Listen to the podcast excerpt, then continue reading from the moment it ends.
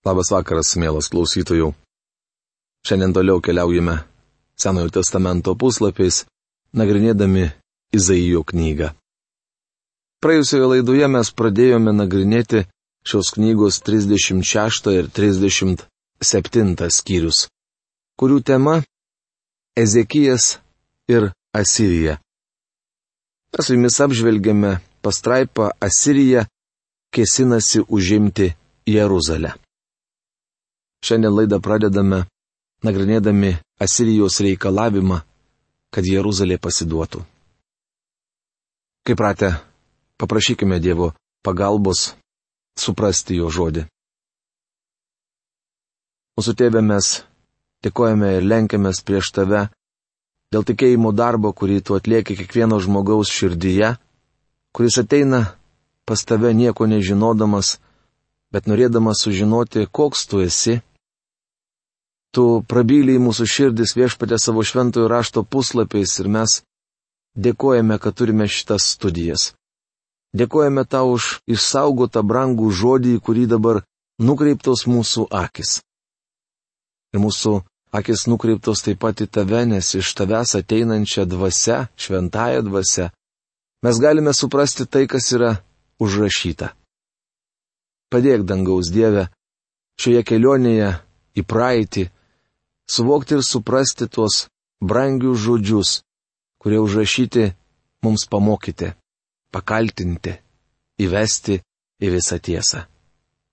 Dėkojame tau už juos ir prašom palaiminto laiko. Jėzaus vardu. Amen. Rapšakė kreipėsi į juos. Praneškite Ezekijui. Taip sako didysis karalius Asirijos karalius. Kuo tu pasitiki, kad jautiesi toks tikras? Izaijo knygos 36 skyriaus ketvirtą eilutę. Rapšakė arogantiškai stebėjusi, kad Ezekijas dar drįsta priešintis.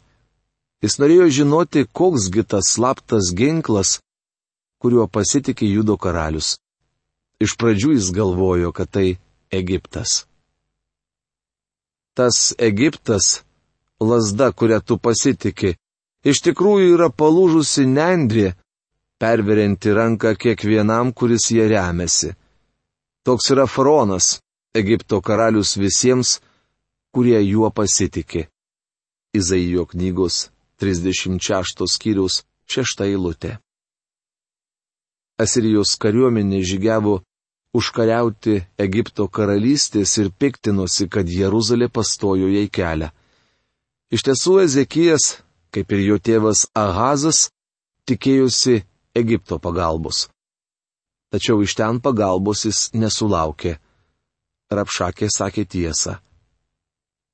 Tuomet Asirijos karvedys iškėlė antrą prielaidą.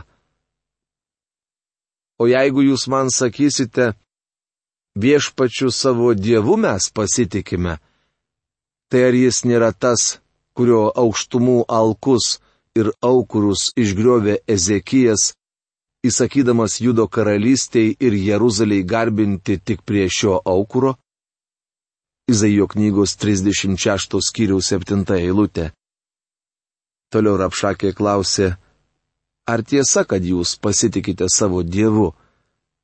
Jis klydo, nes tokojo dvasinės įžvalgos.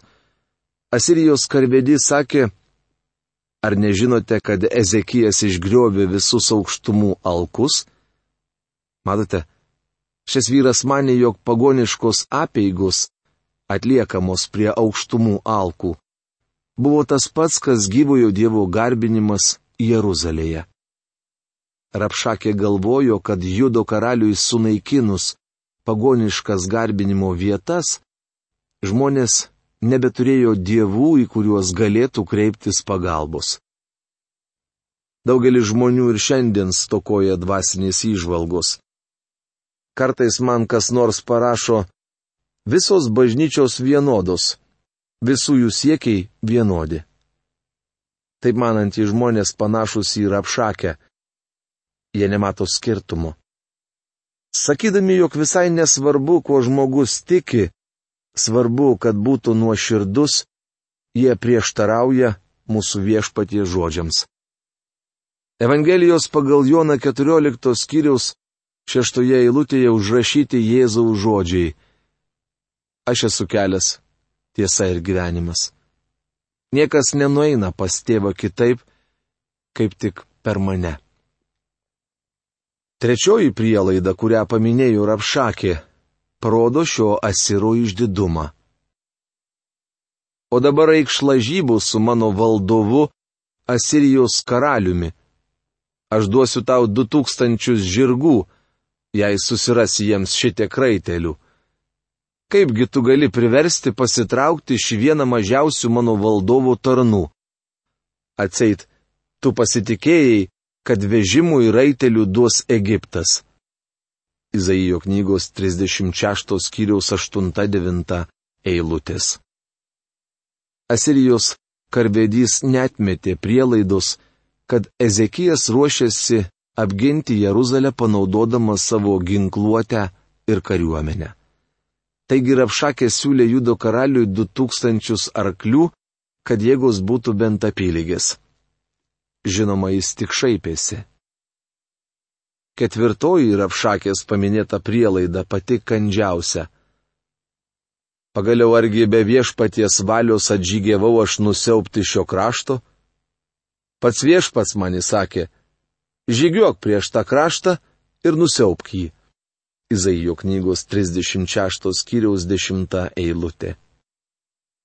Jis teigia, kad Izraelio dievas siuntė Asiriją prieš Jeruzalę ir todėl yra Asirų pusėje.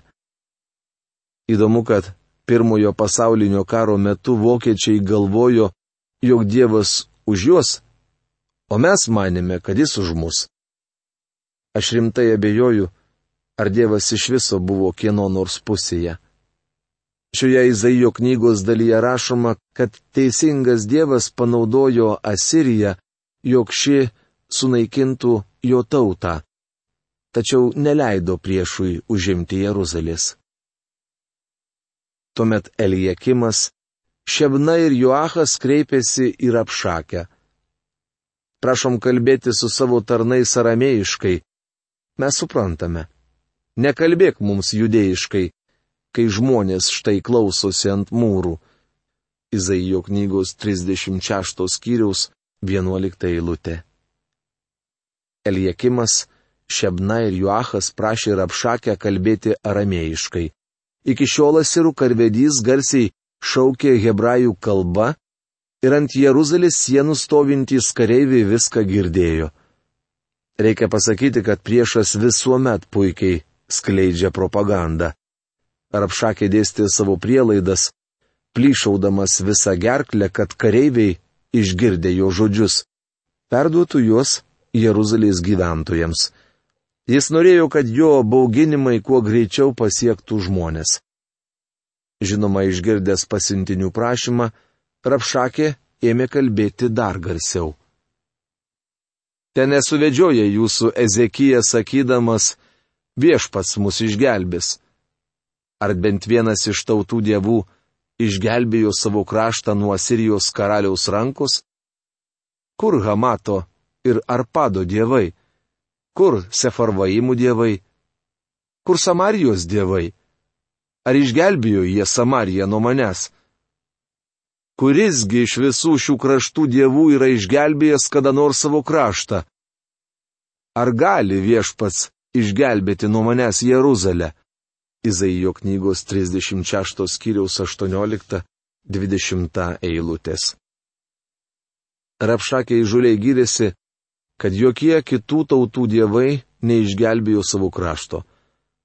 Tad kodėl izraelitai turėtų tikėtis, jog Jahve išgelbės Jeruzalę? Jis prilygino Jahve pagonių stabams. Įgaliotiniai praneša Ezekijui griežtus Asirijos karaliaus reikalavimus. Galiausiai pasiuntiniai perduoda Rapšakės žodžius karaliui Ezekijui. Paskui rūmų prievaizdas Hilkijos sunus Elijakimas, karalystės raštininkas Šebna ir raštinės viršininkas Asafos sunus Joachas persiplėšė drabužius nuėjo pas Ezekiją ir pranešė jam, ką Rapšakė buvo pasakęs. Izaijo knygos 32 skyriaus 22 eilutė. Pasiuntiniai grįžta, kad praneštų Ezekijui liūdną žinę. Drabužiai simbolizuoja žmogaus orumą ir kilnumą. Sakoma, jog žmogų pažinsi iš to, kaip jis apsirengęs. Perplėšti drabužiai rodo pažeminimą ir gėdą. Prislėgta, vilties netekusi delegacija atnešė Ezekijui Asirijos karaliaus žinę. Ezekijo reakcija. Atkreipkite dėmesį, ką darė Ezekijas išgirdęs šią nemalonę žinę. Tai išgirdęs, karalius Ezekijas persiplėšė drabužius, apsivilko ašutinę ir nuėjo į viešpaties namus. Izaijo knygos 37 skyriaus pirmą eilutę. Šio vyro reakcija į išgirstą pranešimą rodo, jog jis buvo tikėjimo vyras. Sielvarto valandą Ezekijas grežėsi į Dievą ir ėjo į viešpaties namus. O prievaizdą Eliekimą karalystės raštininką Šebną ir kunigijos seniūnus, apsivilkusius ašutinėmis, pasiuntė pas pranašą Izaiją Amoco sūnų. Izaijo knygos 37 skyriaus antra eilutė. Dabar Ezekijas pasiunčia savo pasiuntinius pas pranašą Izaiją. Tai dar vienas tikėjimo žingsnis. Karalius nori išgirsti žodį iš Dievo pasiuntė pas pranašą Izaiją, Amocos sūnų pasakyti. Taip kalba Ezekijas. Ši diena - nelaimės, bausmės ir gėdos diena. Kūdikiams atėjo metas gimti, bet nėra jėgų juos pagimdyti. Izaijo knygos 37 skyrius 3 eilutė. Pasiuntiniai turėjo perduoti Izaijui grėsmingą, niūrę ir pesimistišką žinę, kad išaušo nelaimės, bausmės ir gėdos diena. Tai išgirsta viešpats tavo Dievas žodžius rapšakės, kurį atsiuntė jo valdovas Asirijos karalius, kad įžeistų gyvą į Dievą. Ten nubaudžia jį viešpats tavo Dievas už žodžius, kuriuos girdėjo. Pasimelsk už likutį, kuris yra čia. Izaijo knygos 37 skyriaus ketvirtą eilutę. Kalbėdamas apie viešpatį, Ezekija sakė, tavo Dievas, o ne mūsų Dievas. Iškart kyla klausimas, kodėlgi jis nesakė mūsų Dievas. Visgi skaitydami 20 šios skyriaus eilutę pamatysime, kad Judo karalius pasitaisė. Per Izaiją viešpats padrasina Jeruzalės gyventojus. Karaliaus Ezekijo tarnai atėjo pas Izaiją. Izaijas jiems atsakė. Savo valdovui pasakykite, taip kalba viešpats. Neišsigas girdėtų žodžių, kuriais Asirijos karaliaus tarnai tyčiojosi iš manęs. Izaijo knygos 37 skyriaus 5-6 eilutės. Viešpats patvirtino Ezekijui, kad Asiro pikžodžiavimas neliko nepastebėtas. Dievas negali to praleisti prausis ir nepraleidžia. Štai įkvėpsiu aš jam tokią dvasę, kad išgirdęs žinę jis grįš į savo kraštą. Ten aš padarysiu, kad jis žus nuo kalavijo. Izaijo knygos 37 skyriaus 7 eilutė. Pranašas Izaijas sakė, kad Sanheribas žus ne Jeruzalės apylinkėse, bet savo krašte. Kaip pamatysime, pranašystė išsipildė pažodžiui. Dievas skelbė, jog Asirija bus sunaikinta. Grasinantis laiškas Ezekijui. Grįžęs pas savo kariuomenę, Rapšakės sužinojo, kad Asirijos karalius paliko Lachišą ir rengėsi karui prieš Libną. Pasklido gandas, kad Egipto kariuomenė užpuolė pagrindinės asirų pajėgas. Rapšakė laikinai atsitraukė nuo Jeruzalės, kad padėtų pagrindinėms asirų kariuomenės pajėgoms, bet nenorėdamas susigadinti reputacijos, Sanheribo vardu brūkštelėjo Ezekijui laišką. Aš dar sugrįšiu. Šio laišku Rapšakė pabandė dar sįki priversti Ezekiją suabejoti Dievo išgelbėjimu. Taip sakysite judo karaliui Ezekijui. Nesiduok savo Dievo, kuriuo pasitikė apgaunamas, esą Jeruzalė neatsidurs Asirijos karaliaus rankose. Izaijo knygos 37 skyriaus 10 eilutė. Čia pakartojami anksčiau girdėti rapšakė žodžiai. Juk tu pats esi girdėjęs, kaip Asirijos karaliai pasielgė su kitais kraštais, juos visiškai sunaikindami. O tu būsi išgelbėtas? Argi vadavo dievai tautas, kurias sunaikino mano protėviai - Gozaną, Haraną, Recefą ir Edeniečius Telasare? Izaijo knygos 37 skyriaus 11-12 eilutės. Čia jis papildo tai, kas buvo pasakyta anksčiau, didžiuodamasis, jog jokios tautos dievai nepajėgė išgelbėti savo žmonių nuo Asirijos kalavijo. Kur dabar Hamato karalius, ar Pado karalius, ar Safarvaimų, Henos ir Ivos karalius? Izaijo knygos 37 skyrius 13 eilutė. Priešas mini istorinius faktus, kuriuos buvo sunku paneigti. Ezekijo malda. Atkreipkite dėmesį, ką darė Ezekijas. Man tai patinka. Ezekijas paėmė iš pasiuntinių rankų laišką ir perskaitė. Tuomet palipėjo į viešpaties namus ir išskleidęs jį. Izaijo knygos 37 skyriaus 14 eilutė. Gavęs laišką, Judo karalius nuėjo tiesiai pas Dievą ir išskleidė jį viešpaties akivaizdoje. Toliau skaitome vieną iš nuostabiausių maldų, užrašytų šventajame rašte. Išskleidęs jį, malda kreipėsi į viešpatį. Galybių viešpatė, Izraelio dieve virš kerubų sostė sėdintis. Tu vienas esi dievas virš visų žemės karalysčių, tu sukūrėjai dangus ir žemę. Izaijo knygos 37 skyriaus 15-16 eilutės.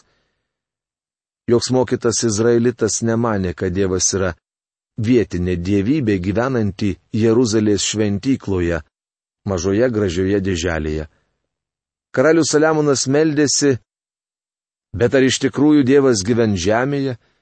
Net dangus ir dangaus aukštybės negali tave sutalpinti. Kaip galėtų tai padaryti šie namai, kuriuos aš pastačiau, rašoma pirmoje karalių knygoje, aštuntame skyriuje, dvidešimt septintoje eilutėje. Kiekvienas izraelitas žinojo, kad jis yra aukščiausiasis Dievas, dangaus ir žemės kūrėjas. Ezekijas maldauja viešpati išgirsti jį ir išgelbėti nuo grėsmingų asirų. Palenk man savo ausį viešpatė ir išklausyk. Atverk savo akis viešpatė ir pamatyk. Išgirsk visus žodžius laiško, kurį atsiuntė Sangeribas, kad pasityčiotų iš gyvojo Dievo. Izaijo knygos 37 skyriaus 17 eilutė. Ezekijas parodė laišką viešpačiu ir pabrėžė, kad Sangeribas tyčiojasi iš gyvojo Dievo. Iš tikrųjų viešpatė Asirijos karaliai nusiaubė visas tautas ir jų kraštus, o jų dievus sumetė į ugnį. Jie sunaikino juos, nes tai buvo ne dievai, o tik žmogaus rankų padarai, medis ir akmuo. Izaijo knygos 37 skyriaus 18-19 eilutės. Ezekijas pripažino, jog laiške užrašyta tiesa, nors ir labai liūdna. Nebuvo reikalo to neikti ar ignoruoti kalbant su Dievu išmintingiausia sakyti jam tiesą, nebandant nieko nuslėpti, ypač jei kalbame apie save. Dabar viešpatė mūsų Dieve, gelbėk mus iš jo rankų, kad visos karalystės žemėje žinotų, jog tu vienas, viešpatė, esi Dievas. Izaijo knygos 37 skyrius 20 eilutė. Dievo atsakymas per Izaiją. Dievas sako, jo girdėjo Asiro pikžodžiavimą. Paklausykite, kaip jis nubaudė Sanheribą. Dėl to, kad niršai ant manęs ir tavo įtužimas pasiekė mano ausis, įversiu savo kablį tau iš nervės, pažabosiu savo žaslais tavo nasrus. Tuo pačiu keliu, kuriuo čia atėjai, atgal tave parvarysiu. Izaijo knygos 37 skyriaus 29 eilutė. Toliau skaitome pagodos ir padrasinimo žodį Dievo tautai. Štai bus ženklas. Šiais metais valgysi, kad duos atolas, kitais, kas užauks nesėta, o trečiais vėl sėsite ir pjausite, veisite vynogynus ir gardžiuositės jų vaisiais. Izaijo knygos 37 skyriaus 30 eilutė. Šioje eilutėje sakoma, kad judo vaikai dar kurį laiką galės gyventi savo krašte. Tai labai drasi pranašystė, tik paklausykite. Todėl apie Asirijos karalių viešpat sako, jis neįsiverš į šį miestą, ne vienos trilės jį nepaleis, nei dengdamasis skydu jo nepuls, nei apgulos pylimo aplink jį nesupils. Izaijo knygos 37 skyriaus 33 eilutė. Jei bent vienas iš 185 tūkstančių asirų kareivių būtų netyčia paleidęs strėlę anapus Jeruzalės sienos, galima būtų teikti, jog Dievo žodis netikslus. Tačiau taip neatsitiko. Mielas bičiuli, Dievo pažadai nuostabus keliu, kuriuo atėjo, išsineždins neįsiveržęs į šį miestą. Tai viešpatie žodis. Izaijo knygos 37 skyriaus 34 eilutė. Tai labai konkreti pranašystė, kuri taip pat išsipildė pažodžiui. Dievas sunaikina sirų kariuomenę. Viešpatės angelas atėjo į sirų stovyklą ir užmušė 185 tūkstančius. Išaušus rytui visur gulėjo lavonai. Izaijo knygos 37 skyriaus 36 eilutė. Rytą ant Jeruzalės sienų būdėję vyrai išvydo neregėtą vaizdą. Priešai, kurių jie tai bijojo, buvo iškritę kaip musės. Visur gulėjo lavonai. Asirijos karalius Sanheribas pasitraukė ir grįžo į Ninebę. Izaijo knygos 37 skyriaus 37 eilutė. Ir kasgi tuomet nutiko Asirijos karaliui? Vieną dieną, ją meldžianti savo dievo Nisrocho šventykloje, jie nužudė kalavijų du jo sūnus Adramelechas ir Sereceras. Abu pabėgo į Ararato kraštą. Vietoj jo karaliumi tapo jo sunus Asarhadonas, Izaijo knygos 37 skyrius 38 eilutė. Pasaulietinė istorija patvirtina faktą, kad Sanheribą nužudė jo sūnus. Maždaug tuo metu galingoji Asirijos karalystė ėmė skilti ir galiausiai ją užkariavo Babilonas. Dievas jau buvo sakęs Izaijui, kad ruošia karalystę Eufrato upės pakrantėje kuri išves pietinę Judo karalystę į nelaisvę. Nors Ezekijo dienomis Dievas išgelbėjo savo tautą padarydamas didelį stebuklą, jis žinojo, jog netrukus ateis diena, kai išsipildi žodžiai Aknuodėminga tauta, žmonės apsikrovė nedorybėmis, piktadarių palikonis ištvirkę vaikai. Jie paliko viešpati, atmetė Izraelio šventąjį, atsuko jam nugarą. Tai prašoma Izaijo knygos pirmos skyriaus ketvirtoje eilutėje. Šiais žodžiais mes ir užbaigsime šios skyriaus apžvalgą. Iki greito sustikimo sudė.